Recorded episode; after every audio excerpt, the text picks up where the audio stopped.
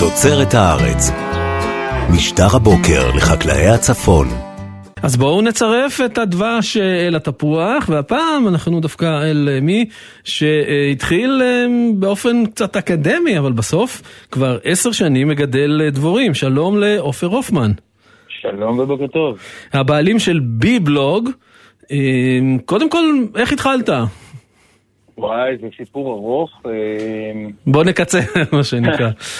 אה, אני אה, במקצועי איש מחשבים, והלכתי יום אחד לתקן תקלה אצל לקוח, והוא בא ואמר לי שהוא אוהב לתת מתנה לפני שבעל המקצוע מתחיל לעבוד. שאלתי אותו מה אתה עושה, הוא אמר אני קברן. אני חששתי שאני הולך לקבל פה משהו לא... והוא הביא לי בסופו של דבר צנצנת דבש. מאוד התעניינתי, התחלתי לשאול אותו, וכך למדתי אצלו איך לגדל דבורים. זה באמת משהו ש... כל אחד יכול או שלא, בכל זאת זה דורש ככה קצת הקפדה על פרטים והתעמקות בנושא, לא משהו שעושים כלאחר יד. אני מסכים איתך. אני עם בעיות קשב וריכוז, והדבורים מלמדים אותך טוב מאוד אה, להיות רגוע ושלב ומנומס איתם, אחרת אתה חוטף עקיצות. אז אה, כן, לדעתי כל אחד יכול. אה, נשים, גברים, כל עוד אתה יכול להרים את המשקל של כוורת דבורה, אין שום בעיה. אתה אומר אה, לא להרגיז את הדבורים? אני מבין שאתה ניגש אל הכוורות ככה בלי התלבושת המסורתית? הייתי אמיץ בהתחלה, אבל אה, ככה זה כשאתה צעיר. לא, אני מגיע היום לבוש מלא, מסודר, אתה מכבד את הדבורים ואתה מגיע גם לבוש, אתה לא רוצה להגיע למצב של אה, לחטוף התקף אנטי-פילקטי או עומס של עקיצות. לבוש, כמו שצריך. אז מה הסוד אה, ל... ככה לגדל כוורת מוצלחת שגם תיתן אה, דבש אה, מתוק וטעים? אוי, זה דבר מדהים, כי, כי הדבורים הם ממש לא חיה מבויפת. הם, אה, אצלך כל עוד יש מסביב אה, שטחי מרעה, מה שנקרא, שטחים עם אה, פרחים, עם צוף, שיש להם מה לאכול. אם אה, הכוורת אה, נמצאת באזור שאין בו שטחי מרעה, הם פשוט עם משפחה תקום ותעזוב, ואתה לא יכול לעשות עם זה כלום. אז דבר ראשון, להצלחה של כוורת, אתה צריך שיהיה סביבך פרחים. אני יכול לציין שבתל אביב אפילו יש אה, מקומות שמגדלים על גגות, כי הגינון הציבורי או הגינון העירוני הוא מדהים לדבורים ונותן מגוון מדהים של צוף.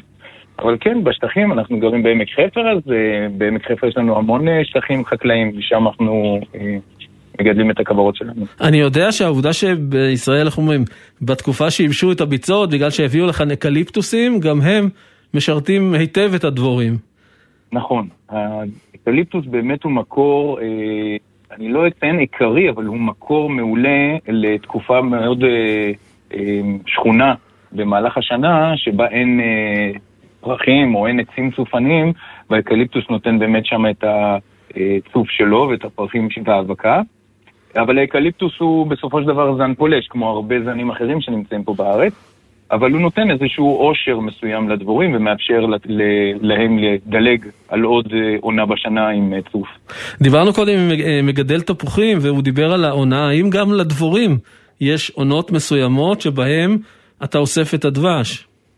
שאלה מעולה. אה, פה בארץ זכינו לכמעט, תלוי בעונה, לשלוש אה, אה, עונות של רדייה. יש לנו את האביב, שזה אז כל... כל, הכל פורח. כל הטבע פורח בדיוק, ואז אתה יכול לקבל דבשים, ואם המגדל חכם הוא יכול ממש לתת דבשים של הדרים, דבשים של אבוקדו, דבשים ממש של אותו אזור גידול ואותם פרחים באותה תקופה. אה, לאחר מכן יש לנו את הדבש שהוא של הקיץ, שזה בדרך כלל כל הפרחי בר, אה, ולקראת החורף יש לנו את הסתיו, אז יש לנו את כל החרובים, יש לנו גם אקליפטוסים, ואז יש לנו תקופה שלישית, ויוצא למעשה שהדבורים אה, אוספות או אוגרות דבש כשיש פרחים, כדי שהם יוכלו לאגור את הכל לשמור לחורף ולעבור את החורף בהצלחה. כמה כוורות אתה מפעיל היום? אה, אני חובב, אז אה, אנחנו, לפי החוק אתה יכול לגדל שלוש כוורות. אני עובד uh, תחת מספר רישוי של מגדל מורשה, אז אני מחזיק קצת יותר. יש איזה מינימום ב... שאתה צריך בשביל להיות מורשה? להיות, אתה צריך מינימום שניים, כדי שאם צריך משהו, תמיד יש לך כוורת ליד שיכולה לעזור. Mm. בוא ניכנס לצד הטכני, אז תמיד מומלץ להתחיל עם שניים. המקסימום זה מה שמאפשר לך הטבע. יש מגדלים שיש להם גם 200 ו-400 כוורות. מה, מה אתה עושה עם הדבש? כלומר, מה, נגיד לראש השנה, משפחת הופמן, תקבל, כולם יקבלו דבש מעופר? אה, בדרך כלל זה כך, כן. אה, מכיוון שאני לא מסחרי, אז את הדבש אני מחלק, אנחנו נותנים את זה, אני למדתי ממי שלימד אותי, אז כל איש מקצוע מקבל ממני צנצנת דבש, אז לפחות אנחנו מתחילים בחיוך את התקלה. אה, שכנים, חברים, עבודה, כן, מחלקים. וספר קצת על הבלוג, כי לא כל אחד שעוסק במשהו גם ככה סוג של אפילו מחנך את הציבור. אה, לא באתי לחנך אף אחד, אבל כן, לפני עשור, אה, כמו שציינתי, אני איש מחשבים, ומאוד אה, רציתי לתעד את כל התהליך, ובאמת התחלתי אותו בהעלאה של תמונות, חשבתי בהתחלה פורומים, אבל לא מצאתי שום מקור מידע מהימן בעברית, לפני כעשור או קצת יותר, והתחלתי לתעד את כל מה שעשיתי. התוודעתי לספר של אברהם בן עיריה, שהוא עוד הגיע מ... במאה הקודמת התחיל את גידול הדבורים בארץ, והוא תיעד את הכל. אחר כך יצרתי קשר עם אה, משרד החקלאות ועם אה, מועצת הדבש, והם סיפקו לי עוד ספר שנכתב בשנות ה-80, שזה אגב הספר המתועד האחרון בעברית. אה, ואז התחלתי להביא חומר מחו"ל, וראיתי שצריך פשוט להוסיף ולהודיע, לספר ולעדכן.